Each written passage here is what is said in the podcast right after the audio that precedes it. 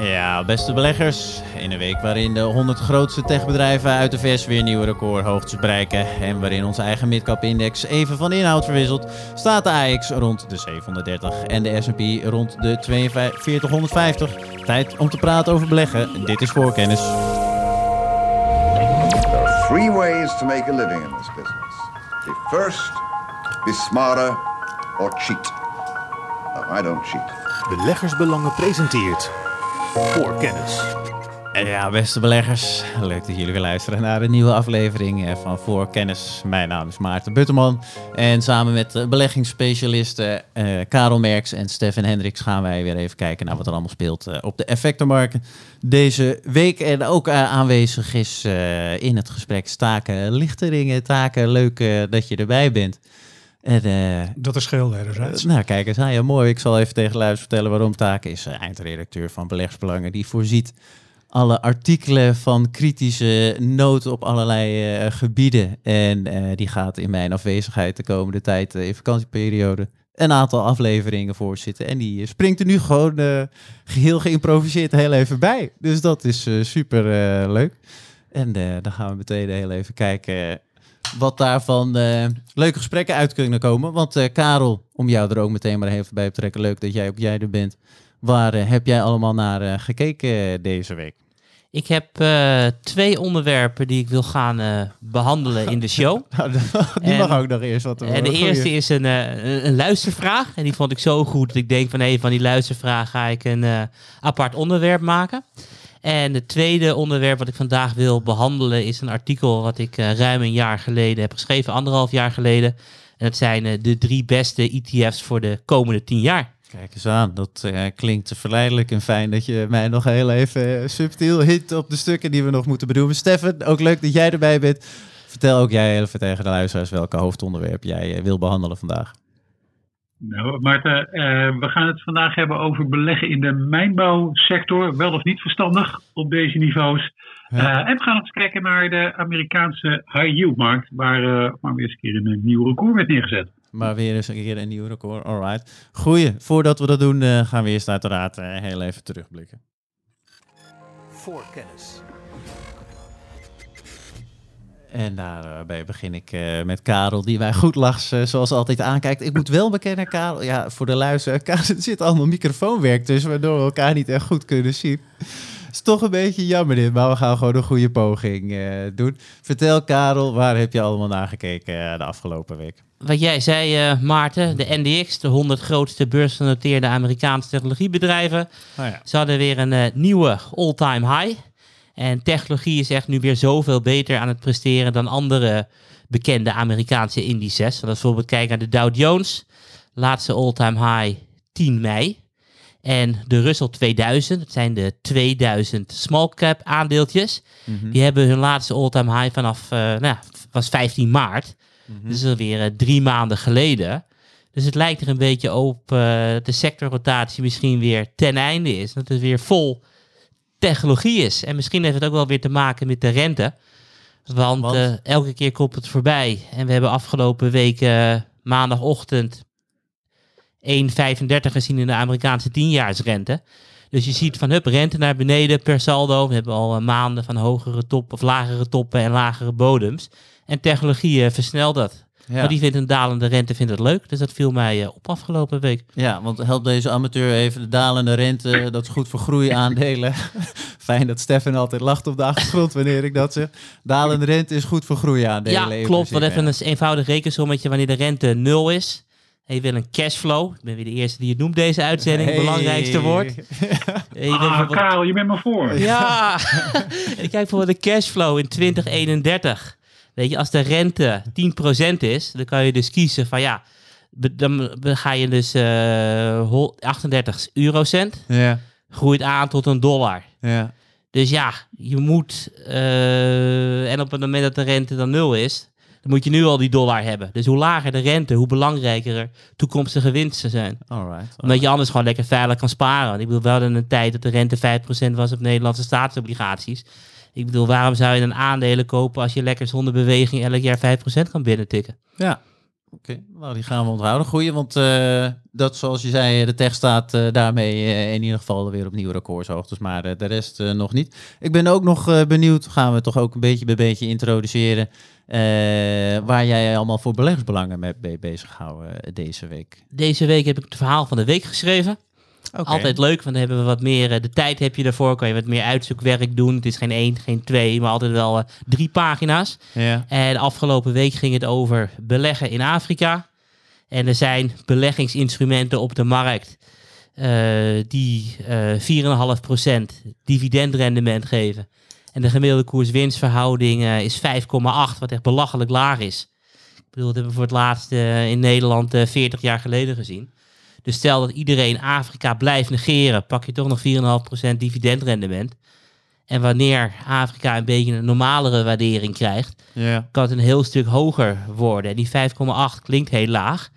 Maar ja, op een gegeven moment was India 5. Nou, die is ook heel laat. Die is ook heel laag. India was 5, eh, China was 5. Ja. We hebben dus gezien tijdens de opkomst van, van, van China en India in de periode 2000, eh, 2007, die koers-winstverhoudingen voor, moet ik even goed nadenken, India ging naar boven de 50 en de koers-winstverhouding van China ging boven, naar boven de 60. Oké. En waarom? Op een gegeven moment denken beleggers, dit is het, de rendementen zijn mooi.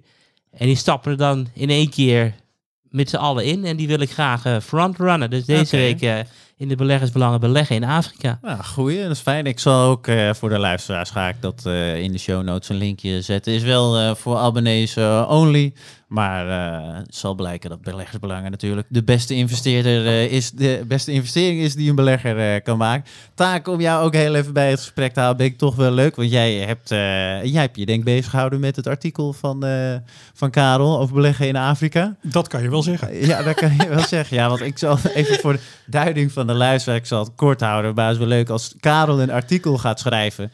eh, dan heb ik dat voor mijn verbeelding gaat het ongeveer als volgt. Die drinkt eh 12 espresso, luistert naar duizend podcasts, neemt alle informatie op zich en dan begint een soort Mozart-achtige wijze van rammen op het toetsenbord. En zoals Karel het dan zelf zegt, daarna gooi ik meteen over de schutting. En dan komt het bij taken uit. en die heeft dan. de- de En dan eer- ga ik er eens goed voor zitten. En uiteindelijk eh, komt er dan wel wat uit. Ja. Maar Karel, hoe, hoe denk jij dat het komt dat Afrika zo breed genegeerd wordt? Ik denk dat beleggers niet doorhebben hoe veel diversiteit er op het continent is. Want ik bedoel, er zijn 54 verschillende landen. Eh, mensen denken dan aan die gewapende conflicten. Ik geloof dat er nu ook iets in de gang is in Ethiopië of Eritrea of waar dan ook. Maar ja, op het moment dat je de 20 grootste probleemlanden ontwijkt, zijn er hele aantrekkelijke beleggingen te vinden. En het probleem met beleggen, vind ik, is dat beleggers niet kijken van wat gaat er gebeuren. Ze gaan juist kijken van wat is er gebeurd. En de afgelopen tien jaar moest je één ding doen en dat was Amerikaanse aandelen kopen. De tien jaar daarvoor moest je één ding doen. Het was Chinese aandelen kopen. De tien jaar daarvoor had je ook per se Amerikaanse aandelen moeten kopen. Dus beleggers kijken naar de ranglijstjes van wat ze moeten hebben. En ik zelf doe er ook aan mee. Want ik weet dat ik in 1999 mijn eerste beleggingsfonds kocht. Wat was dat? Ora Technologiefonds. Waarom? Jaar daarvoor plus 40 procent. En, en elk jaar 40 procent betekent dat je om de twee jaar je geld verdubbelt. En als je begint met beleggen, dan kijk je naar rendementen. En niet naar hoe soms zaken wel eens kunnen gaan veranderen. En ik ben ervan overtuigd dat die rendementen gaan volgen. Want heel veel lager dan 5 kan het niet. Nee. Al hebben we wel in de Verenigde Staten in eh 1921 hebben we de 4 gezien. Weet je, van 5,8 naar 4 is er altijd eh 30% verlies. Alright. Nou ja, goed. Dat is een hele mooie toevoeging. Fijn ook de taken erbij zitten om van lekker scherpe vragen eh, te stellen. Ik ben er veel te druk voor in mijn hoofd. Ik hou er gelukkig wel bij dat we Stefan zo nu en dan ook nog in het gesprek eh moeten betrekken. Dus Stefan, om jou er ook weer bij te halen. Waar heb jij allemaal naar gekeken eh, de afgelopen week? Kijk eens aan, Stefan. Je bent ontzettend slecht te verstaan op dit moment. Dus ik denk toch dat Oh, er eh, iets eh, ergens met de verbinding eh, gaande is. Ja, dus heel even kijken of die eh, opnieuw eh, die misschien kan maken opnieuw de ja of de nee. Maar misschien is het wijs om eh, zodra je weer eh, goed ervoor zit om dan heel even terug te komen. Laten we Dan, poging 2 wagen. Nou ja, inderdaad nog heel even kijken, Stefan, eh, of je zou kunnen testen of je je misschien kunnen verstaan.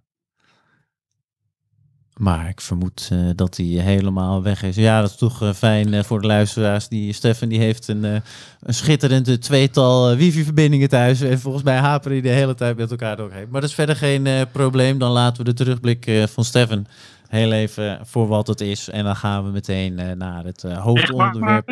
Ook, nou ja, je mag van mij nog een nu wel weer? poging Dit is wel doen. weer goed. Nou kan Ja. ik je goed verstaan, eh Stefan. Zullen we even testen of het ook gaat blijven? Kan je nog één keer eh, vertellen waar je allemaal naar hebt gekeken de afgelopen week? Ja, dan begin ik gewoon weer even opnieuw. Nee, we hadden het vorige week natuurlijk over de beleggersdag van uh, GlaxoSmithKline, GSK. Oh ja. En, en ehm, De kneus. Nou ja, ik noem de kneus der kneuzen in de farmasector. En die, eh, nou, die reputatie is intact gebleven na die eh, beleggersdag. Dus dat, eh, dat is eh, goed gegaan. Je, Is- dat goed gegaan, ja? Ja, dat is goed gegaan. Ja, het, het was weer niet een ideale uitkomst. Het, het is best ingewikkeld. Laxo split zichzelf in tweeën. Een zogenaamd sneller groeiend farmadeel en een minder snel groeiend consumer healthcare deel. Dus dat ken je onder andere van de Sensodyne, tandpasta en de parodontax en dat soort producten. Maar dat klinkt makkelijk, maar op de manier waarop Glaxo het dan presenteert, is het toch weer niet zo makkelijk. Ze hebben namelijk een, eh, een belang van 68% in die consumer healthcare activiteiten. De rest zit bij Pfizer. Nou, wat doet Glaxo? 80% van die 68% die geven ze een eigen beursnotering. Dus dat aandeel wordt afgesplitst aan de eigen aandeelhouders. Dan houden ze 20% nog zelf. En dat gaan ze dan later op de open markt weer verkopen, omdat ze geld nodig hebben voor eventuele acquisities of hun eh, eh, onderzoek en ontwikkeling van medicijnen verder te financieren. Nou, dat is al niet echt lekker. Hè? Dan krijg je dus als aandeelhouder Glaxo zo'n aandeel van die consumer healthcare activiteiten in je portefeuille, waarvan je weet dat de groot aandeelhouder ook nog eens een keertje 20% naar de markt gaat brengen. Nou, dat is al niet ideaal. Dividend werd verlaagd van 80 pence per aandeel naar 55. Ook al niet ideaal, was misschien minder erg dan, uh, dan uh, gevreesd. Nou, dan komen de doelstellingen. Er moet de omzet groeien van dat, van dat nieuwe farmadeel en die vaccintak. Nou, dat moet dan jaarlijks met 5% gaan groeien. En de operationele winst twee keer zo snel. Nou, de koers deed er eigenlijk niet heel veel op. In het begin van de dag steeg hij nog een beetje, maar daarna was het een procentje winst. Het is echt een eerst zien dan geloven aandeel. Maar ik denk ook dat het laatste woord er overigens ook nog niet over is gesproken, want er zit ook een activistische aandeelhouder in uh, GlaxoSmithKline. Uh, ook hier in Nederland wel bekende Elliott Management, die ooit ook bij AXO onder meer zijn opgedoken. Ah, ik kan me bijna niet voorstellen dat die nou fantastisch blij zullen zijn met de plannen die, um, die deze week zijn gepresenteerd. Oké, gaan we volgen. Wie ben ik op zich benieuwd naar? Je noemde misschien kleine of acquisities. Zou er iemand interessant zijn uh, naar jouw optiek, uh, die Glaxo, waar die naar zou kunnen kijken? Ja, zij willen voornamelijk uh, gaan groeien in oncologie. Dus ik vermoed dat daar, dat daar wel wat overnames zijn. Dat kan eigenlijk van alles en, en nog wat zijn. Er kunnen ook samenwerkingsverbanden zijn waarbij ze die, een deel van die opbrengst straks gaan gebruiken om bijvoorbeeld partijen te helpen met het ontwikkelen van medicijnen waar zij dan weer een belang in krijgen of verkooprechten in krijgen. Dus het hoeft niet in één keer aan één partij besteed te worden, maar het geeft wel iets aan dat Glaxo zoals nu is, ja, dat, dat gaat zelfstandig die groei niet zo uh, realiseren. Dus dan moet daar wel wat gebeuren. Nou, er moet trouwens al jaren wat gebeuren daar, maar ja. um, nu nog steeds. Alright, oké. Okay. Hey, en waar heb jij je allemaal mee bezig gehouden uh, deze week uh, voor beleggersbelangen, Stefan? Nou, naar aanleiding van een uh, hele interessante vraag van een van onze abonnees ben ik gedoken in een ETF op Chinese staatsobligaties en heb die verder geanalyseerd. En dat was een hele goede vraag, omdat ETF's relatief eenvoudig product, denk je dan, maar dan wil je er eentje gaan kopen. En dan zie je dat er een, een euro-variant van is, een dollar-variant, een euro-hedged, een dollar-hedged. Uh, wat zit er eigenlijk in? Hoe interessant is het? Waar komt het rendement vandaan? Nou, al dat soort vragen ben ik uh, ingedoken en heb ik uh, deze week beantwoord. Was een, was een leuk onderwerp.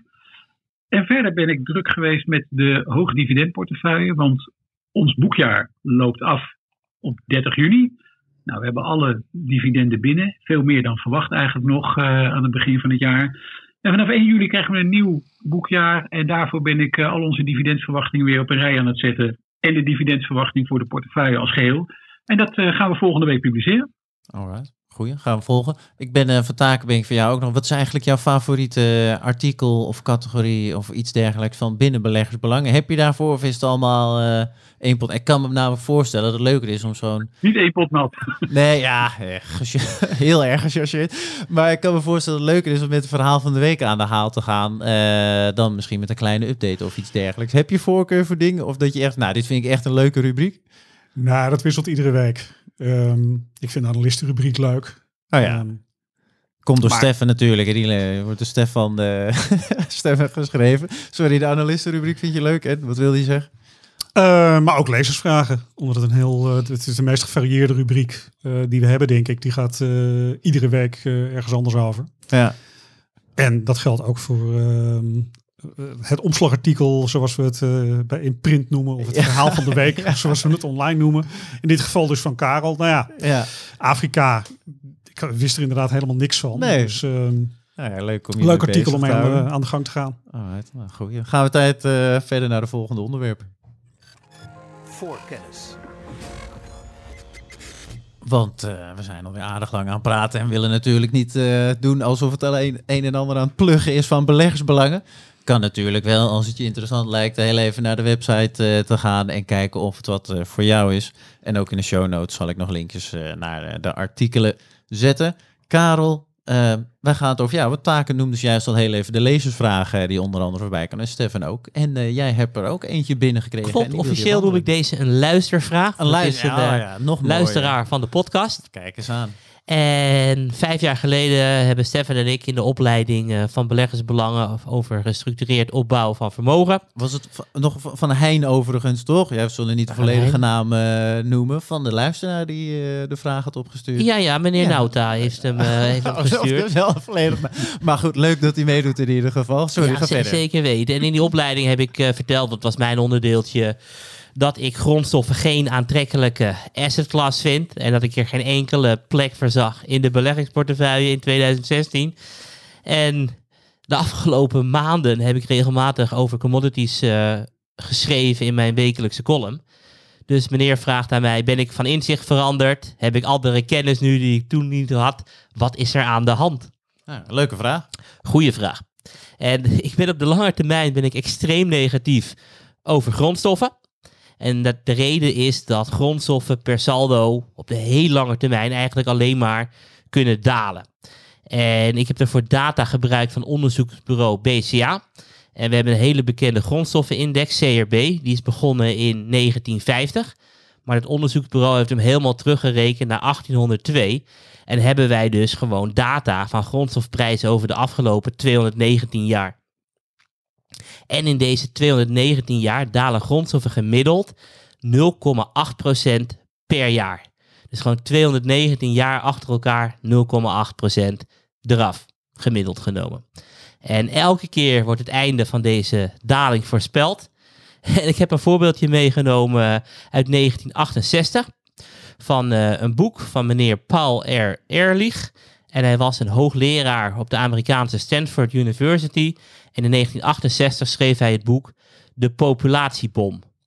En de conclusie van het boek was dat de race om de wereldbevolking te voeden definitief verloren was. En dat er in de komende 20 jaar vele honderdduizenden miljoenen, vele honderden miljoenen mensen, moet ik zeggen, zouden gaan sterven, omdat er simpelweg geen voedsel voor hen was. En de voedselprijzen zouden vertrekken naar de maan. Al zal je toen waarschijnlijk anders hebben uitgedrukt. Alleen to the moon uh, is natuurlijk een 20, uh, 21 term. En India werd toen aangegeven als het land dat het zwaarst getroffen zal worden. En sindsdien zijn er 800 miljoen Indiërs bijgekomen. En is de groei van de hoeveelheid rijst en tarwe dat alleen al in India wordt geoogst. Met een factor van uh, ruim 3. Nog veel sneller gegroeid dan de Indiaanse bevolking. En ik kon geen data vinden uit India helaas, om dat te onderbouwen. Maar ik heb wel data uit de VS die heel nauwkeurig is. En in 1961 uh, kon je maar een kwart van de hoeveelheid mais per vierkante meter verbouwen dan nu. Dus oftewel, in 50 jaar kunnen we gewoon vier keer zoveel mais verbouwen op een vierkante meter. En dat laat dus zien dat de technologische vooruitgang ervoor zorgt dat de grondstofprijzen op lange termijn eh, dalen. Alleen ik ben nu eh, tijdelijk enthousiast Ja, over grondstoffen. al een tijdje. Wanneer ben je ongeveer nog even voor de Oeh, luisteraars? volgens mij was dat in, eh, in november. eh, halverwege. En de reden was, eh, ik ben ook een beetje een TA-man. Kom er maar in met de grap, Stefan. Nee, nee, sorry, ik ben heel erg hard op mijn tong. Ga door. Oh, heel erg goed. eh, ik ben een TA TA-man. Dan- technische analyse. als je dan voor, kijkt vanaf Ruijs. 2008 had je alleen maar eh, lagere toppen en lagere bodems. En gingen grondstofprijzen alleen maar naar beneden. En op een gegeven moment in november 2020 werd die dalende trend eh, gebroken. En, en waarom ben ik enthousiast over grondstoffen? Omdat ik denk dat er inflatie kan gaan aankomen. En als je dan kijkt vanaf 1971, het is het loslaten van de gouden standaard moment, zijn de prijzen van grondstof met 4% per jaar gestegen voor elke procent inflatie. Dus ja, 5% inflatie komt dan overeen met een 20% eh grondstoffenstijging. En een van mijn belangrijkste redenen waarom ik nu enthousiast ben over grondstof is ESG. Zeg maar wat dat betekent, Maarten. Ik weet niet de afkorting, maar het is het eh, aspect van duurzaamheid. Even kijken. Nee, ik ga hem niet Environment, eh, social en governance. Governance. ja. Heel goed, je weet het wel. En, en dat laat dus zien dat mensen steeds minder geneigd zijn om te investeren, bedrijven moet ik zeggen, in nieuwe mijn, mijnen en minder investeringen in grondstof. En op het moment dat je de aanbod naar beneden duwt, zal uiteindelijk de prijs volgens mij eh, omhoog gaan. Alleen het is Ja. wel extreem risicovol. Want als ik het verkeerd heb, nou, dan zullen de grondstofprijzen uiteindelijk weer dalen naar nieuwe laagste standen ooit. Maar ja, stel dat je bijvoorbeeld belegt in een breed gespreid wereldwijd mandje aandelen, dan kan je dit nooit mis hebben, omdat op lange termijn aandelen altijd stijgen, breed gespreid en wereldwijd. Dus dat is wel het risico van grondstoffen. Van er gaat nog een keer mis, maar ik denk nu dat er zoveel aanbod daalt en dat het de periode van grondstoffen gaat beginnen. Dus van- daarom ben ik nu tijdelijk enthousiast over grondstoffen. Ja, en is, is er dan, want je zegt tijdelijk, en waar, wanneer eh, eindigt die eh, tijdelijkheid? Dat is heel erg interessant. Ik bedoel, wat natuurlijk de Fed, die nog tot een maand geleden zei, de inflatie is vergankelijk, transitory. En nu is het van, de inflatie is hoger dan dat Powell op dit moment had gedacht dat die zou zijn. Dus het komt er een beetje van terug. Dus het is even in de, in de gaten houden van hoe de inflatie zich zal ontwikkelen. Ik bedoel, er zijn positieve punten te verzinnen waarom de inflatie kan gaan stijgen en, en negatieve. Ja, en goed. Stefan, we hebben het er vorige week eh, lang over gehad. Eh, het was sterker nog het eh, hoofdonderwerp van de hele podcast. Is daar nog iets, bedenk ik me nu hoor, maar als je het niet kan beantwoorden moet je maar zeggen. Maar is er nog iets vol opgevolgd qua nieuws of data, feiten of zo, dat de inflatie, de rente en Powell nog van extra duiding kan voorzien voor onze luisteraars? Ja, we hebben, eh, dus we hebben vorige week gesproken, Maarten, natuurlijk naar aanleiding van die bijeenkomst van die FOMC. Hè? Dus dat Mhm. het, het, het comité binnen de Federal Reserve dat het monetair beleid bepaalt. Later, heeft, eh, later die week heeft ehm eh, Powell ook nog een verklaring afgelegd voor het Huis van Afgevaardigden in de VS. Wat je daar zag, dat hij een heel klein beetje probeerde dat, die, die inflatievrees wat weg te nemen. Dus ik heb die verklaring gelezen hem en daarin zegt hij, nou ja, het heeft een beetje te maken met bottlenecks in, de, eh, in, het, in het aanbod van goederen en diensten. En zodra dat is weggewerkt, vermoeden wij dat de inflatie wel weer terug gaat keren tot onze lange termijn van ongeveer een eh, procent of twee per jaar. Ehm, en dat heeft hij natuurlijk gedaan omdat de reactie eind vorige week op, op wat een beleidswijziging bijna leek te zijn van de Federal Reserve nog redelijk hevig was. Moet je ook niet over dramatiseren, maar een paar procent vanaf de, eh, vanaf de top van de aandelenmarkt wordt door sommigen al als eh, dramatisch gezien.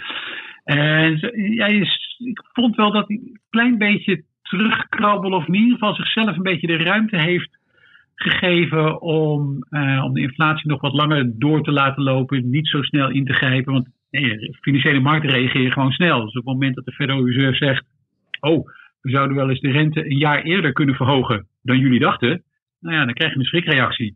En dat heeft hij geprobeerd een beetje eh, verbaal weg te masseren. Oké, sluwe vent. Hè? Geef zichzelf even wat opties eh, om onder eh, zijn opmerkingen vandaan te komen, eh, natuurlijk. Die. Hij zit voor niet voor niets op die plek, maar Nee, ja, nee, dat eh, het is dezelfde reden waarom Stefan niet hier zit. Ook zo'n sluwe man die denkt, joh, ik hoef helemaal niet naar kantoor te reizen om een podcast op te nemen. dat is allemaal niet maar, nodig. het, maar het is nog wel een lange weg naar de Federal Reserve. Ja, dat klopt inderdaad. Alright, thanks. We gaan verder, want eh, we staan nog een soort gelijk onderwerp trouwens op de plank ook. Voorkennis. Ik ben alleen wel benieuwd. Ik, eh, Karel noemde ze juist al heel even technische analyse. Dus taken ook altijd zo van, tenminste op de eindredactie. En dan komt er wel zo'n stuk, hebben ook technische analyse in het blad. En dan zijn er eh, de favoriete, ja, hoe noem je dat eigenlijk, Karel? Klap, flap. Ja, de termen van de technische analyse. Ja, het is, het is poëzie. Het is poëzie. Het hoofd- en schouderspatroon, de bearish en gulfing, het klap- en flappatroon. Wat, welke is, weet je het, eh, je hoeft er natuurlijk niet per se helemaal te welk, Wat doet de klap- en flap eh, patroon? Ik heb geen flauw idee. Oké, ta- Sla je me Karel, dood. weet jij het? Klap en flap is, is op het moment dat je een zijwaartse trend hebt. Ja. Dus gewoon de bodems liggen overal gelijk en de toppen liggen overal gelijk. Dan Ja. heb je dus een verschil tussen bodem en top. Dus die para- twee parallele lijnen van zeg 10 dollar. Als we dat er bovenuit breken, dus de klap, flap, dan weet je dat, we- dat we 10 dollar gaan stijgen. Als we naar boven uitbreken en 10 dollar naar beneden.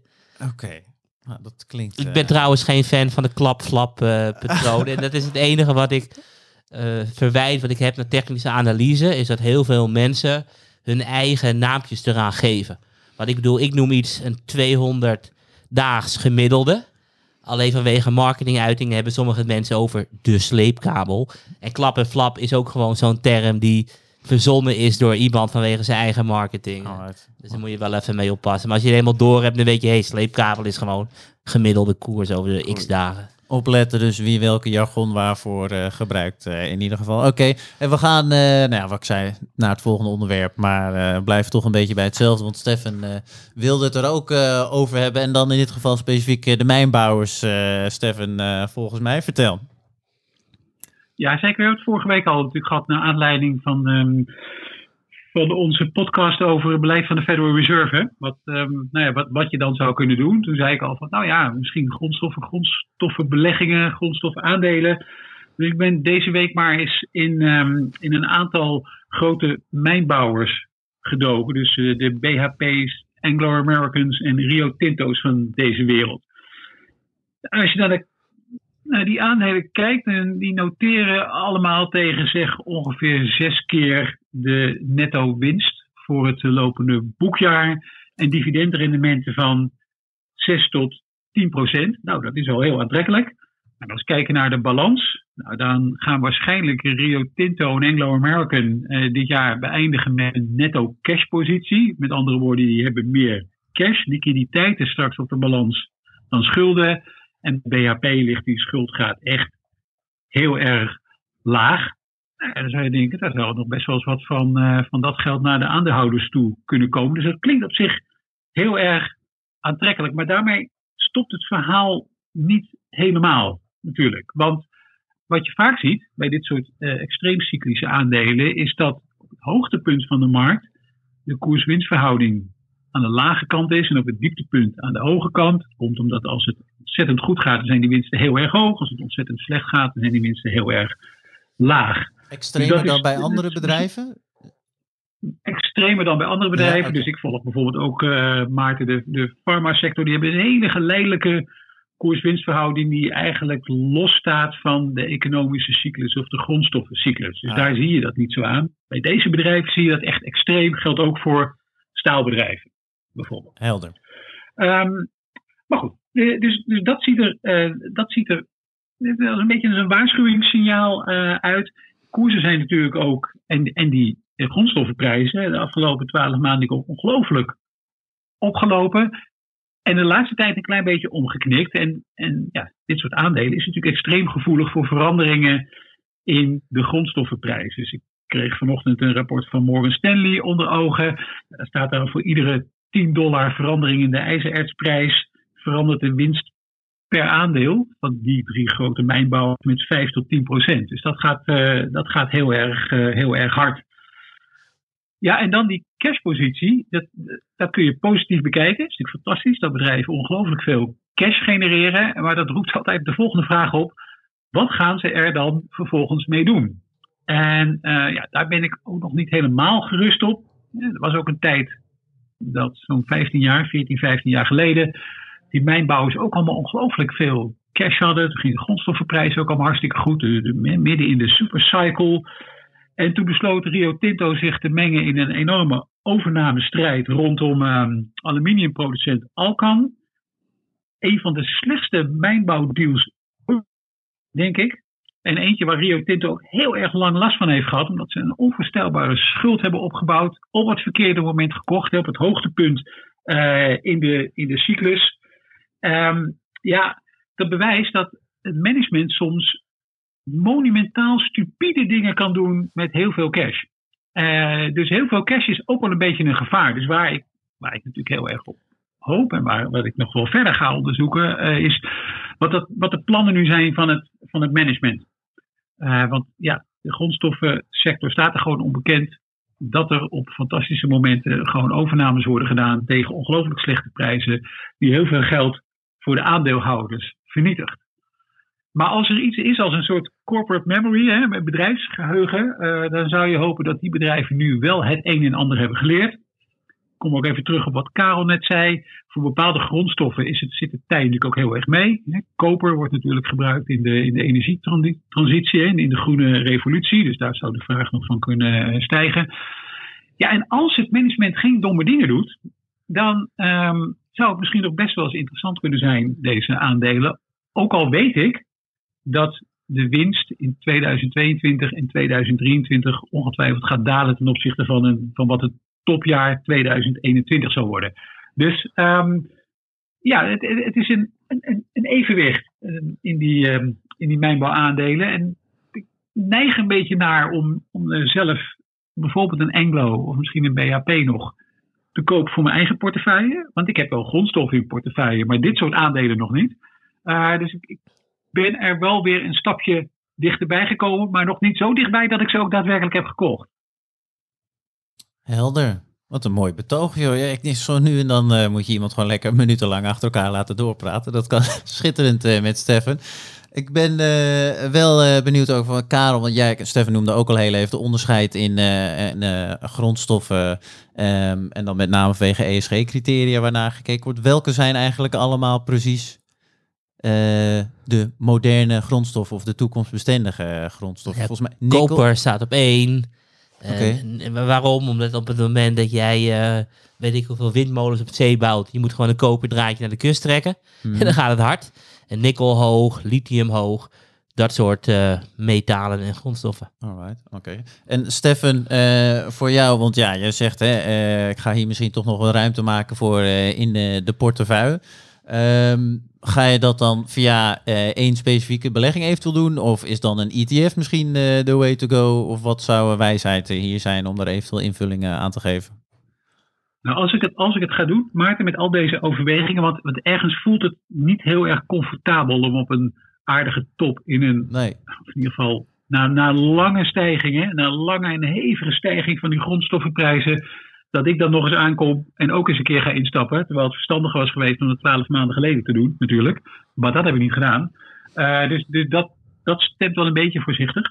Als ik het ga doen, Maarten, om op jouw vraag terug te komen, dan zou ik dat wel via een aantal uh, individuele aandelen gaan doen. En aandelen die de grootste blootstelling hebben aan een aantal van die metalen die Karel bijvoorbeeld hmm. net noemde. En uh, bedrijven waarvan ik denk dat het management de meest verstandige dingen met cash gaat doen. Okay. Kijk ook eens naar uh, Tech Resources, uh, Stefan. Ruim een half jaar geleden uh, getipt bij Tip van de Week. Ik vind echt een fantastisch mijnbouwbedrijf. Maar wat voor mij heel erg belangrijk is, is ik geloof heilig dat de komende jaren tekorten gaan ontstaan. En wat volgens mij dan belangrijk is, op het moment dat je niet de grondstof koopt, maar het bedrijf zelf, is dat zij voldoende voorraad hebben. En ze zitten vooral in Chili en in Peru, wereldwijd nummer 1 en 2 uh, koperproducerende landen. En de komende vijf jaar gaat sowieso nog jaarlijkse koperproductie toenemen. Dus ze hebben echt een hele hoop koper. En dat zag je ook uh, in de afgelopen weken. Koper uh, ging hard onderuit. De oplettende luisteraar had dat niet bijzonder gevonden. Want een paar weken geleden hadden we in deze uitzending erover dat er nog nooit in de geschiedenis zoveel long kopercontracten waren geweest. Zit je long koper op het maximale punt, dan is het vaak heel erg gevaarlijk.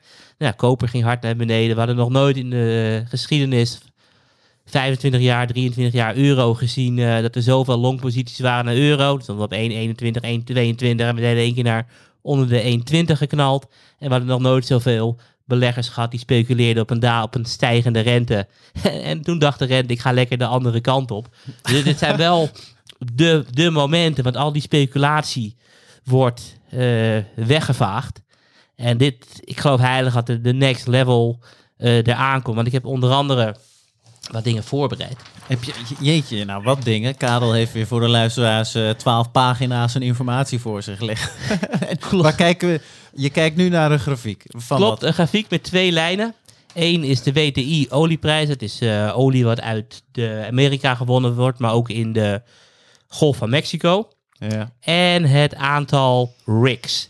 En een rigs is een plek waar je een gat in de grond boort en zo'n... Uh, ja, hoe zeg je dat? Een ja-knikker? Boorplatform, Oh, uh, inderdaad. En dan zie je dus van hoeveel, op hoeveel plekken worden de boorplatformen geïnstalleerd.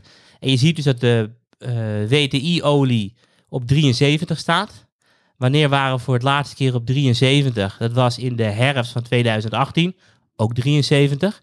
Toen waren er, uh, eventjes kijken, 875 boorplatformen die in aanbouw waren. 875. De prijs staat nu uh, gelijk. Het zijn er geen 875, maar 373. Dat is minder dan de helft. Dus dan zou ik de vraag willen stellen: is misschien de Amerikaanse olie aan het opraken? Want als je dan kijkt naar de OPEC, die hebben een strategie van uh, we spreken af hoeveel we gaan we produceren, bladibladibla. Bla. Maar Amerika heeft het allemaal niet. Die denken gewoon als we winstgevend kunnen produceren, dan halen we het uit de grond. En als we het met schepen naar andere landen kunnen versturen, dan doen we dat. Ook onder Biden? Ook onder, nee. Want onder Biden was het, uh, oh Biden nu. Ja, omdat daarvoor Trump, ja, dat hij uh, alles wat winstgevend is uit de grond nee, haalt. Maar, dat, uh, nee, ik, ik bedoel, het speelde al sinds Obama. Want ik heb hier ook nog een andere grafiek mee met de Amerikaanse shale-productie. En je ziet dat tussen 2004 en 2010 uh, wereldwijde olieproductie uh, getopt is op, eventjes kijken, 73 uh, miljoen vaten per dag. En toen kwam de Amerikaanse shale-revolutie.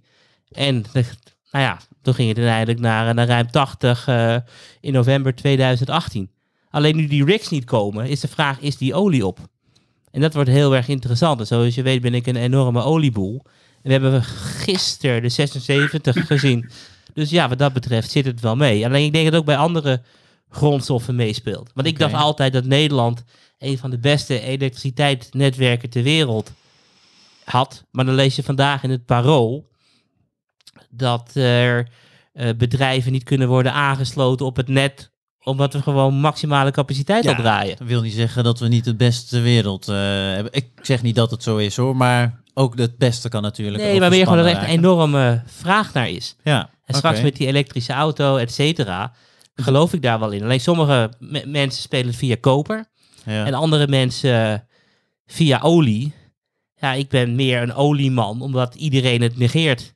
Waar gaat jou, en Stefan, waar gaat jou uh, eventueel de voorkeur uh, naar uit als je tussen die twee uh, een keuze zou moeten maken? Ja, ik neig meer, ook al weet ik dat er uh, dat misschien de correctie in, in koperprijs en bijvoorbeeld ook een ijzererts nog niet, uh, nog niet is voltooid, meer richting die, um, die, die, die metalen uh, aandelen dan, dan olie. Ook enigszins, moet ik eerlijk zeggen, uit, um, uit ESG-overweging. Ik weet het niet precies wat die oliebedrijven straks als strategie gaan hebben. Um, ik heb al eerder gekeken bijvoorbeeld naar de, naar de nutsector. En wat je daar zag is dat er als er een, uh, veilingen zijn, bijvoorbeeld voor de Britse kust, van plekken waar je uh, windmolenparken offshore, zoals het dan heet, neer kunt zetten. Dat was altijd het terrein van de nutsbedrijven. Uh, ja, nu onder druk van beleggers zie je dat oliebedrijven gaan zich daar nu ook in mengen. En een van de veilingen, ik denk dat het vorig jaar was, heeft bijvoorbeeld BP ja, wat ik een totaal krankzinnige prijs pond betaald voor een van die veilingen. Echt veel hoger dan die nutsbedrijven gewend zijn. Dus ik ben bij die oliebedrijven gewoon nog een beetje voorzichtig met betrekking tot de strategische wijzigingen die ze misschien onder druk van hun aandeelhouders of de toezichthouders eh, moeten gaan zetten. En wat dat dan gaat betekenen voor de rendementen van die bedrijven. Oké, helder. Ja, Karel, je wil... eh, Ja, nee, ik bedoel, ik, Schiet. ik ben echt, echt enthousiast over olie. Want ik bedoel, wat, wat wil OPEC per se niet? OPEC wil geen prijs van 80, 90, 100 dollar. Met als reden hoe hoger de olieprijs gaat, hoe aantrekkelijker het is om alternatieven te ontwikkelen. En op het moment dat ze Oh. deze... Ik bedoel, als de olie in één Ja. keer naar 200 schiet, dan is het natuurlijk veel aantrekkelijker om elektrisch te gaan rijden. Want dan kost een tankbeurtje wat minder. ja. En dat je die prijzen niet onder controle hebt, dat je elke dag weer wat hoger ziet gaan, terwijl nog een groot gedeelte van de wereld in lockdown is. En wat is de sweet spot voor de OPEC? Geen idee. Ah, Oké, ja, want er is toch wel een minimaal niveau waarop het voor hen niet eh, rendabel is om... eh, Volgens mij eh, kost het 8 dollar in de woestijn van Saoedi-Arabië om daar een vatje te vullen. Oh, Is het niet zo ook, Karel, dat er eh, olievelden zijn die pas bij een bepaald eh, prijsniveau eh, rendabel worden om te ontwikkelen? Ja, klopt. Dat zie je dan mooi aan die, aan die rig. Want we zitten nu op 373. Maar een jaar geleden zaten we op 200. Alleen in het verleden zag je dat veel sneller oplopen. En die dure velden zijn er. Alleen blijkbaar minder dan vroeger. Dus ik vind het heel erg interessant om te kijken hoe dat zich aan het ontwikkelen En is. geldt dat zowel voor schalieolie eh, als voor eh, offshore? Eh, de, de Bake Oil, zo die index heet, van het Amerikaanse Olieinstituut, die telt beide bij elkaar op. eh. kijk eens aan. Fijn, wat fijne taak dat erbij is voor een extra paar kritische vragen. Die mag terugkomen hè, bij deze de afgesproken. bar lag ook niet heel erg laag, hè, Baarden? Ja, dat scheelt. Als je mij moet vervangen, is mooi Oh, meegenomen. Hij- hij- kan niet, hoor. Ik bedoel, hij schrijft, hij schrijft ook... eh, Zeker, Ja, zeker. Ja, het gaat om de humor in deze podcast van mijn Ik kant. ben in ieder zeer geval. serieus. ja. Voorkennis. Alright. Tijd eh, om verder te gaan, eh, want eh, er staan nog, eh, nog twee mooie onderwerpen op de plank verder. En eh, te beginnen hebben we daarvoor eh, Karel, die het gaat hebben over de drie beste ETF's voor de komende tien jaar. Ja, dat klopt. 6 januari 2020 heb ik een artikel geschreven genaamd de drie beste ETF's voor de komende 10 jaar. En als eerste heb ik de iShares Digital Security ETF genoemd. En bedenk eens Maarten hoe vaak eh, mensen updates aan het installeren zijn op eh, zijn, haar of eh, het computer. En elk update bestaat uit vele regels computercode. En in deze datarate zitten altijd zwakke plekken. Dus er is non-stop een kat- en muisspel gaande met software die de zwakke plekken moet beschermen om hackers buiten de deuren te houden. Dus dat was ETF nummer 1. En als tweede geloofde ik heilig in de cloud computing ETF. Het is namelijk een stuk veiliger om het beheer van je bestanden aan een ander over te laten dan eh, jezelf. Een cloudbedrijf heeft het beschermen van digitale gegevens als kernactiviteit en beschikt daarom altijd over de nieuwste beveiligingssoftware en wij niet. En daarnaast eh, zijn bedrijfsnetwerken doorgaans veel minder goed beschermd. En Wat voor grote bedrijven ook wel belangrijk is, de databehoefte is nooit constant. Je hebt pieken en je hebt eh, dalen en bij cloud neem je precies af wat je nodig hebt. En de derde ETF die ik had geadviseerd was kunstmatige intelligentie. En kunstmatige intelligentie gebruikt software en computers om data te verzamelen, te verwerken, te analyseren en daarop eh, te handelen. En hoe meer input, hoe slimmer eh, de output. En kunstmatige intelligentie is zo geprogrammeerd dat het zichzelf ontwikkelt op basis van alle nieuwe informatie die aan het systeem wordt toegevoegd. Dus kunstmatige intelligentie past zich naar elk datapunt aan. De rendementen van deze drie ETF's eh, waren bovengemiddeld goed eh, sinds het advies. Eh, voor beveiliging plus 38, cloud plus 87 en AI plus 82. En ik denk nog steeds dat deze ETF, ETF's meervoud koopwaardig zijn, omdat er een enorme groei gaat plaatsvinden in de sector. En deze drie ETF's komen allemaal bij elkaar bij de zelfrijdende auto. Kijk eens aan. Want als er meerdere van deze voertuigen op een kruising afrijden, moeten die auto's contact met elkaar zoeken.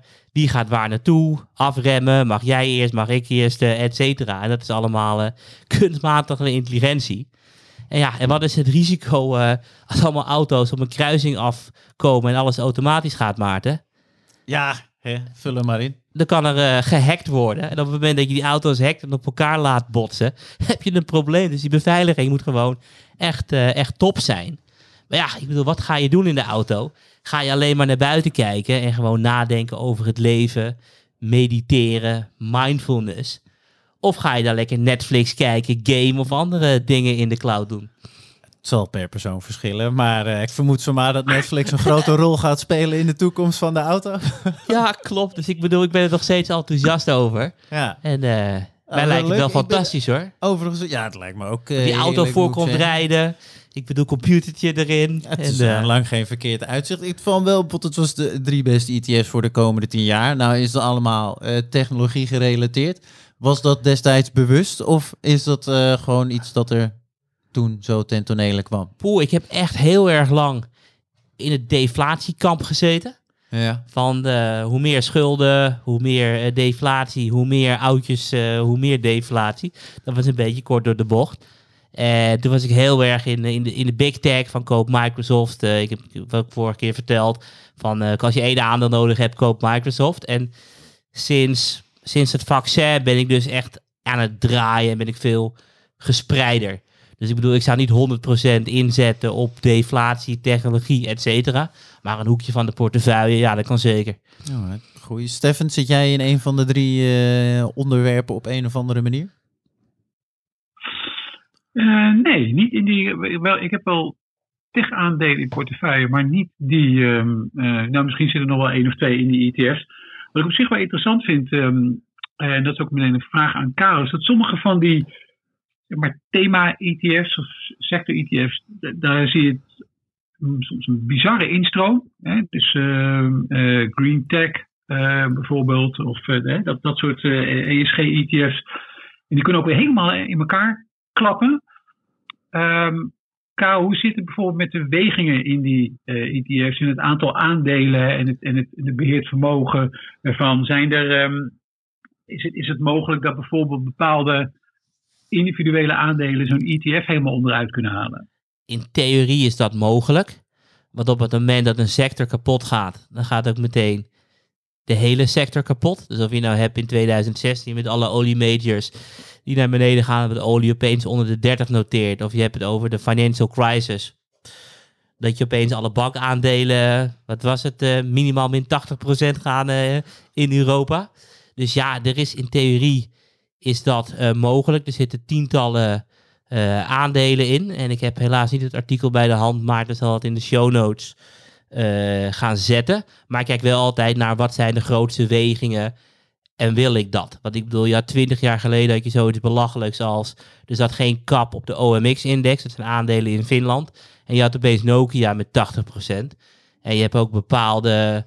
eh, Wat bedoel je dat Nokia 80% van de index? ja, eh, klopt. Nokia was echt een mega bedrijf in Correct. 2000. Nee, dat eh. meen je niet. Weet je, en toen ging dus Nokia kapot. En toen ging ook de index kapot. En toen zei de indexaanbieder OMX...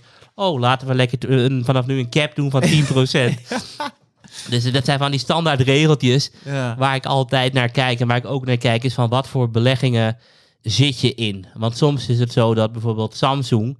in heel veel verschillende ETF's terechtkomt. Omdat Samsung wel 1% van de business aan een bepaald onderdeel besteedt. En dat wil ik ook niet, eh, niet hebben. Dus ik bedoel, eh, het is wel goed gespreid. En wegingen is het eerste waar ik altijd naar kijk.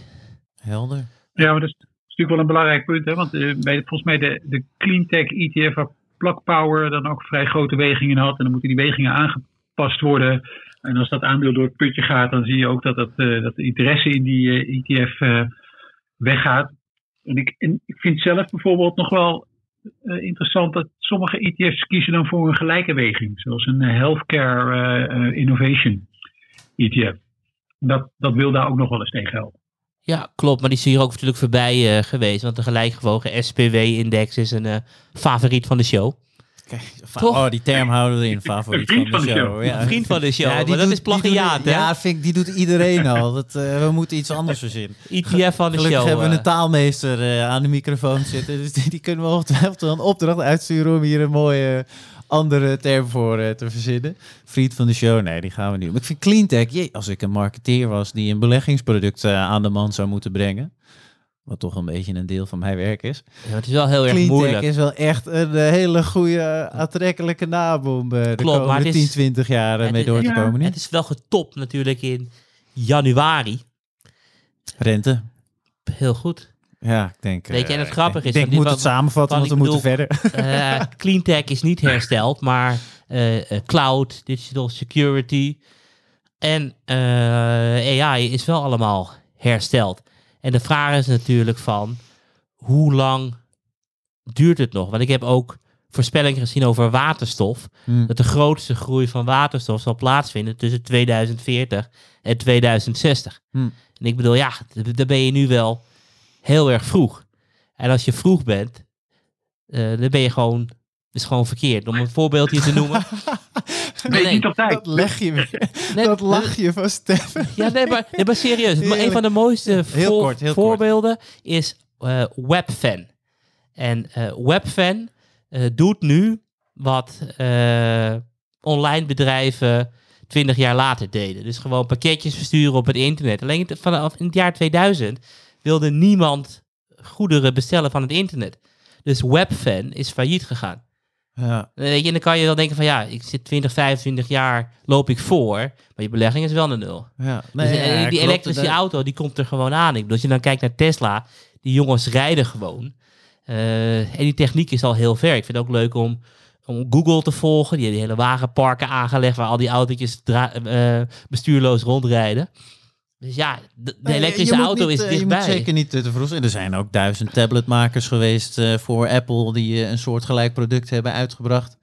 En eh, die allemaal, nou ja, ik weet niet of Palm, ik weet niet, zegt een van jullie dat bedrijf nog zo'n eh handpalmpje? Die, eh, ja, nou, die, schoten op een gegeven moment van 6 naar 60 volgens mij het aandeel. Maar het zal nu wel waarschijnlijk op... eh Taken, kijk maar aan. Heb je een palmpje gehad vroeger? Of niet? Nee, dat Ik heb nu een palm. Nee, maar ik kwam wel een mooi citaat tegen ooit. Ik ben vergeten van wie, maar dat luidt... eh, als het om nieuwe technologie gaat, zijn mensen geneigd de effecten ervan op de korte termijn te overschatten en op de lange termijn te onderschatten. Dat is Bill Gates. Is dat Bill Gates? Bill Gates. ja. Bill Gates heeft gezegd, het komende jaar eh, overschat iedereen het, want in een jaar verandert er helemaal niet zoveel. En in tien jaar onderschat iedereen het, want het gebeurt echt heel erg veel. Kijk eens aan. Bill Gates. Ik, eh, ik denk dat dat weer een leuk thema is om een keer een, een podcastaflevering op die manier in te richten. Technologieën die we nu eh, onderschatten en overschatten. Maar eh, tot die tijd eh, is het eh, tijd om verder te gaan. Voorkennis. Met nog één laatste onderwerp voor de boeg. En die komt aan de hand eh, van Steffen. Want Steffen, eh, er is andermaal een, eh, een nieuw dieptepunt. Of een, eh, zeg ik dat goed? Een dieptepunt of record bij de, de high yield leningen. Vertel. Nou, ik reken het allebei goed, Maarten. Ja, Dus, eh, dank je, eh, dank je. Het is, het is zowel een dieptepunt als een record. Eh, want het gaat namelijk, Maarten, op de risicoopslag op de meest risicovolle in dollars uitgegeven bedrijfsobligaties. Die noem je dan high yield. Dus het gaat om dollar high yield obligaties. En daarvan heeft de, de risicoopslag het laagste punt bereikt sinds de financiële crisis. Dat blijft maar dalen. Dus dat staat nu op ongeveer eh, 280 basispunten, ofwel 2,8 procentpunt. Nou, eh, misschien even eh, voor de luisteraars, wat is een risicoopslag? Dat is het extra rendement dat je als belegger wil hebben, bovenop het rendement op hele veilige staatsobligaties, om überhaupt dit soort risicovolle bedrijfsobligaties in je portefeuille te willen nemen. Nou, hoe meer die risicoopslag daalt, hoe groter het vertrouwen van beleggers is dat zij netjes hun coupon en hun hoofdsom terugkrijgen. Dus een daling ervan, dus nieuwe dieptepunten, Maarten, of eh, records, in dit geval wat hetzelfde is, dat voelt natuurlijk allemaal hartstikke goed. Heel erg fijn. Ik denk, nou, die markt gaat enorm goed. Ik, ik boek koerswinst. Ik kan vertrouwen hebben in de kredietwaardigheid van bedrijven. Ik krijg mijn geld terug. En dat, is, dat voelt fijn. En het voelt ook altijd fijn om te beleggen in markten die goed gaan. Alleen is het dan de vraag of het een verstandig idee is om te beleggen. in markten die zo goed gaan. Dus ik heb voor, de, eh, voor deze Amerikaanse high yield markt is eh, de, alle data van de afgelopen 25 jaar bekeken. Ik had dat ook al eens een keertje eerder gedaan voor, ehm, eh, voor de opleiding waar Karel eerder aan refereerde. Gestructureerd um, opbouwen van vermogen. Nou, en wat blijkt eigenlijk, ehm, het is iedere keer zo dat als die risicoopslag heel erg laag is, dieptepunten bereikt, dat de rendementen de komende jaren of een beetje stagneren of zelfs gewoon terugvallen. En dat is niet zo gek, want hoe lager die risicoopslag, ja, hoe lager de compensatie die jij als belegger ontvangt voor het nemen van het risico. Dus hoewel die markt er nu fantastisch bij ligt, hoewel het heel erg goed voelt, want je hebt nieuwe records en uh, je ziet eigenlijk weinig faillissementen of andere soorten wanbetalingen om je heen, is het voor mij in ieder geval dit niet het moment om nu gewoon vol in die high yield leningen te stappen. Ook al gaat het hartstikke goed. Stefan, um, vraag je. We hadden natuurlijk de Federal Reserve sinds 1913. En in de statuten stond volgens mij, uh, we zullen nooit bedrijfsobligaties gaan opkopen. Ja, uiteindelijk uh, vorig jaar wel vol natuurlijk ingestapt op de bedrijfsobligatiemarkt in maart 2020. Hoe groot is de kans dat bij de volgende neerwaartse beweging de Fed denkt, oh, hoe wij het in maart en april 2020 hebben opgelost, was wel heel erg handig. We gaan gewoon massaal obligaties kopen, niet alleen investment grade, maar ook uh, junk. En hebben we gewoon spreads gewoon weer veel verder zien inkomen. Investment grade, even tussen, dat is gewoon wat stabieler. Uh... Ja, investment grade is veilig. En uh, junk, zo heet het ook officieel, want die ETF heet JNK. Dat is dus gewoon rommelobligaties. Dat zijn bedrijven met een financieel vlekje. Die gaven vroeger hoge rentepercentages ter compensatie. En nu steeds minder en minder. Alright, Stefan, op de vraag van Karel, vertel. Hoe groot is die kans? Nou ja, dat, uh, ik sluit het niet uit. Want bij iedere crisis zie je dat centrale banken uh, um, nou ja, terrein opgaan waar ze daarvoor niet durfden te komen. Dus ik sluit het helemaal niet uit. Uh, maar, Karel, voordat we daar dan zijn, moet er natuurlijk wel iets vreselijk mis zijn gegaan. Um, en als dat opnieuw gebeurt, of dat nou een coronapandemie is, of een financiële crisis, of, of welke crisis wij dan ook kunnen bedenken, dan zul je natuurlijk wel eerst zien dat er een reactie komt op die markten. En die reactie zal dan hevig zijn op de markt voor high yield leningen.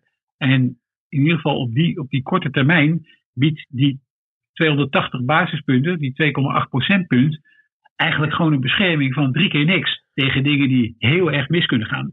Dus uh, hoewel ik het niet met je oneens kan zijn, omdat ik het gewoon niet weet en niemand het zou kunnen zeggen hoe ver de Federal Reserve zou kunnen gaan, kan ik wel met zekerheid zeggen dat voordat ze zover gaan, we op die markt wel eerst een serieuze crisis hebben gezien. En dat je dan die risicoopslagen of credit spreads, zoals in het Engels heten, die zijn dan eerst echt wel heel ver gestegen en ver boven de 280 basispunten uitgekomen. Hoe, hoe snel verdwijnt dat dan? Als dat je zegt dat is een bescherming van helemaal niks, die 2,8 procent.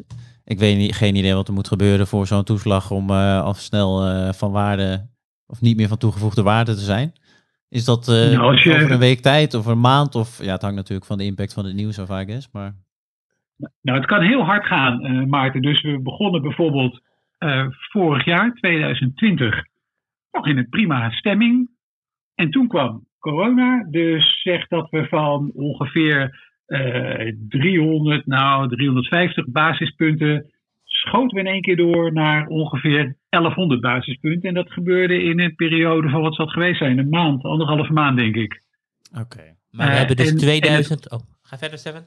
Ja, en het, en het omgekeerde daarvan, uh, Maarten, dus zo'n knal omhoog in die risicoopslagen. Het omgekeerde daarvan is dus een knal omlaag in de koersen uh, van uh, dit soort obligaties en de, en de ETF's die dit soort obligaties volgen. Daarna ging het ook weer hard naar beneden. Dus die, die coronacrisis was wel redelijk uitzonderlijk. Het gaat meestal grote paniek, knalt het, beetje net zoals op de aandelenmarkt eigenlijk, knallen die risicoopslagen omhoog.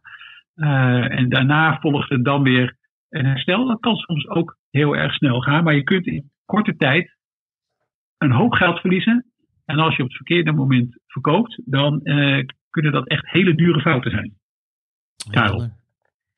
Dat klopt. Alleen het is natuurlijk heel erg moeilijk. Want als je kijkt in 2008, volgens mij zijn we toen 2.500 basispunten boven staats geëindigd. Dus Zeker, Het, dus dat- het dat lastige klopt. is van waar, waar stap je in? Ik bedoel, stap je in bij 1000? Of denk je van het is nu zo erg, we gaan weer 2500 zien zoals in 2008? Maar het is, nu, het is nu helemaal niet meer instappen, eh, in ieder geval voorlopig.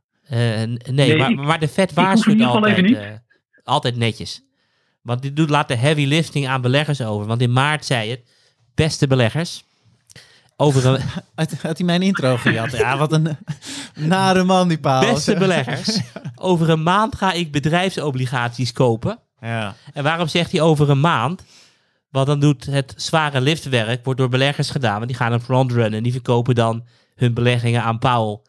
Oh. Dus je hebt gezien dat Ja, in dat maart wel, de eh, hoogste rendementen zijn behaald in die eigenlijk. obligaties. Alleen, het heeft de Fed geen geldrekost of balans. Nee, Alleen de markt heeft het lekker zelf gedaan. hè. hij, hij stuurt gewoon eh, met eh, een goede speech. ja, van dan ga mij eh, frontrunnen, want over een maand stap ik in. Nee, oké. ja, helder. Dus, Nou, we moeten afronden, want... eh, we heb zijn- ook nog een vooruitblik, hè. Maarten? Ja, dat, die gaan we sowieso nog doen. Ik wilde ook nog aan taken vragen of obligaties en met name de high-yield lening ook zijn favoriete onderwerp is van eh, alles wat in beleggersbelangen voorbij komt. Nou, van de obligaties in ieder geval wel. Want eh, die eh, investment grade en helemaal die staatsobligaties zijn natuurlijk vreselijk saai. Nee. oh, nou ja, ik, ik voel weer een onderwerpje voor een, voor een eh, Alleen het woord alleen junk. Heerlijk. Ja, Junkbond, ja. Goeie om te bespreken. Alright, we gaan nog heel even vooruitblikken. Voor kennis. En dat doen we heel, heel, heel kort. Nee, ma- maakt niet uit. Vertel, Karel, waar kijk jij naar? Ik heb vier puntjes. Oké, Steffen, vertel, waar kijk jij naar? nee, ja, Karel, ga je gang. Als eerste kijk ik naar de, de Bitcoin grafiek. Want er is echt een, eh, een mega kop-schouderpatroon ontstaan. Oh, is het al een hap en flap? Nee, kop-schouderpatroon. Ik bedoel, eh, met twee eh, schoudertjes op 40.000. Een kopje op 60.000 en een neklijn op 30.000. En er is nu echt een enorm gevecht gaande rond die neklijn. En dat is een beetje de line in the sand. Als ik eh, mijn eh, TA goed eh, herinner van vroeger, toen ik 15 was, zat ik graag lijnen te tekenen. Dan is het dat het hoogste punt van de neklijn door de neklijn naar beneden moet gaan. En dat betekent dat de bitcoin weer terug naar nul gaat, volgens de TA-theorie, als ik het goed herinner. Ja, heel goed, want de neklijn en de kop, er zit 35.000 punten tussen. ja. En het is nu nul. Kijk, en heel veel bitcoin-beleggingen zijn, nou ja, ik durf wel te zeggen, op bijna 100% gebaseerd op het stock-flow model. En dat betekent dat we dit jaar de 100.000 dollar moeten zien. En zo niet, dan werkt de analysemethode niet meer. Dus die 30.000 is heel belangrijk. Dus ik kijk elke dag eventjes naar. Daarnaast heb ik ook eh, een uraniumbelegging getipt een aantal weken geleden. Dus ik was wel weer blij dat de Japan voor het eerst in eh 3,5 jaar weer een reactor aan het opstarten Ah, ja. is. Dus dat Ja. is ook hartstikke mooi. Daarnaast eh, hebben we ook weer een nieuw eh, all-time high behaald tussen 1 januari en 11 juni, dus vorige week, voor Amerikaanse bedrijven die eigen aandelen inkopen. We zitten nu het jaar op 567 miljard. En het record van 11 juni was 450 miljard. Dus bedrijven kopen weer als gek hun eigen aandelen terug. Het is een van de belangrijkste kopers op de markt. Helder. En daarnaast kijk ik als vierde, ik doe het heel snel, hè, Maarten, Nee, voor jou. ja, neem het Dus het verschil tussen de 30 jaars en 5 jaar, de zogenaamde yield curve, Ja. die is in de afgelopen 9 maanden, september tot vorige week, alleen maar opgelopen. En in drie ha- handelsdagen werd het hele winst van 9 maanden weer prijsgegeven. Dus de yield curve is een heel stuk vlakker. Oké, helder. We gaan het volgen. We hadden hem vorige week ook eh, heel even langs eh, horen komen, toch? De yield curve? Ja, klopt. Ja, klopt, ook klopt. met de 30 jaar. Alright, goeie Stefan, waar kijk jij naar?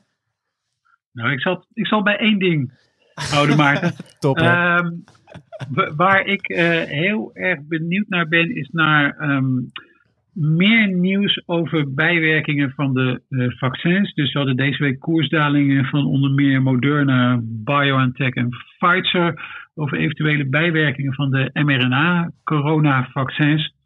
We- We vaccineren natuurlijk gigantische groepen mensen, dus er komen steeds meer data beschikbaar over eventuele bijwerkingen, de ernst ervan, eh, bij hoeveel mensen zich dat voordoet. Nou, dat is natuurlijk niet alleen eh, maatschappelijk heel erg belangrijk, maar dit is ook voor jou als belegger heel erg belangrijk.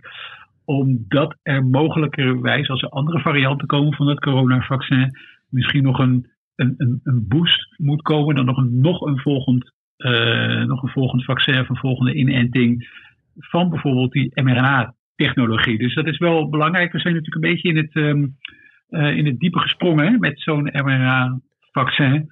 Ehm, en langzaam maar zeker krijgen we meer duidelijkheid over eh, ja, wat, dat, wat dat aan bijwerkingen heeft. Dat hebben alle vaccins, dus het is ook niet een reden om meteen een, een zware antivaxer te worden. Maar het is wel belangrijk dat we het allemaal weten, dat we het allemaal in kaart kunnen brengen. En je ziet dus op de beurs dat het ook belangrijk is voor de koersen van die bedrijven. Ik heb er een vraag over, Stefan. Waar volg jij deze informatie? En de reden waarom ik het vraag, ik kwam toevallig eh, voor de duidelijkheid, ik ben helemaal pro-vaccinatie. en vanwege mijn jonge leeftijd heb ik er pas één gehad, maar die tweede komt er binnenkort aan. Maar eh, ik las van de week in de New York Times dat eh, Japanse onderzoekers ontdekt hebben van. eerst werd er gedacht dat als je een Pfizer-prik in je arm kreeg, dat de spike protein of protein spike, of hoe dat ook heet, in je arm zou gaan blijven. Alleen de Japanse onderzoekers hebben er, zijn erachter gekomen dat de spike protein niet in je arm blijft, maar ook eh, door je lichaam kan gaan reizen. Ik denk, leuk, New York Times heb ik hoog zitten, interessant. Maar waar hou jij dit soort informatie bij? Waar volg jij dit? Nou, Twitter is op zich, een, eh, zoals voor zoveel dingen, wel een hele interessante bron. Dus er zijn een aantal eh, biotech bronnen die daarin zitten. Dus de biotech gespecialiseerde tijdschriften die daar ook over schrijven. Dus Twitter is, ehm, nou ja, als je, alleen als je zoekt, Twitter. eh, de ene kant is natuurlijk, nou ja, hoe zullen we dat beschaafd zeggen, eh, zijn theorieën die, die nogal op hol slaan. Maar ehm, tegelijkertijd is het wel belangrijk om ook zoveel mogelijk van dat soort berichten in ieder geval te zien. Om te kijken waar er nu precies alarm over wordt geslagen. Omdat er soms wel eens ergens alarm wordt eh, geslagen over iets waarvan je denkt, nou dat is misschien totale waanzin. Wat later dan toch nog wel onderzocht wordt. Dus ik, eh, ik vind eigenlijk opmerkelijk genoeg het meeste op Twitter. En dan in allerlei soorten bronnen. Dus ik lees ook bronnen waarvan ik denk, nou dit ziet er opmerkelijk uit, om het maar zo te noemen. Ehm, maar ik hou het altijd wel ergens in mijn achterhoofd. Ja, en je kan het eh, Twitter ook nog het fijnste van allemaal naar eigen wensen en voorkeuren instellen in wat je allemaal niet eh, wil volgen. Leuke vraag. eh, ja, nog, maar dat doe ik juist niet. Maarten. Oh, dat doe je juist niet. Oké, nou dan komen Nee, we daar ik, nog. wil, ik, wil, ik wil het allemaal zien. Ja, dan, maar dat kan ook. Je kan bijvoorbeeld chronologisch of. Ja, maar het is toch fantastisch, Maarten, om gewoon mensen te zien, kettingroker, eh, zeer ongezond eten en dan denken dat een vaccin eh, schadelijker is dan roken en ongezond eten. Ja, nee. Ja. Karel. Maar, het- maar als laatste hoor, Maarten, dan toch nog even hierover. Kijk, ehm, van roken, eh, en dat is wat mij betreft wel echt het essentiële verschil. Van zaken als bijvoorbeeld roken, is gewoon in kaart gebracht wat de risico's zijn. Je weet daar, we weten daar gewoon veel meer van. Het interessante van deze vaccins is dat omdat ze op een hele nieuwe basis zijn gemaakt, dat we er gewoon nog niet zoveel van weten. Dus als, eh, eh, eh, als, als mensheid komen we daar nu gaandeweg achter. En het hoeft allemaal geen ramp te zijn, het hoeft allemaal geen reden tot paniek te zijn, maar het is ontzettend goed om te weten waar, wat er iedere keer kan gebeuren met die vaccins, waar we misschien nog verbeteringen kunnen doorvoeren, iets in de dosering, et cetera. Dus, dus het is een, dat is het lastige van, van dat coronavaccin. Eh, We zitten midden in een soort trial. Ook als belegger, toch? Hoe heette dat aandeel waar we wat hebben besproken? Ja, nou ja, een maand of drie, vier, vijf Nou, geleden. Bio, Blue, Bluebird. Nee, wat was het? Ja, Die, eh, Bluebird wel Bio. Ja.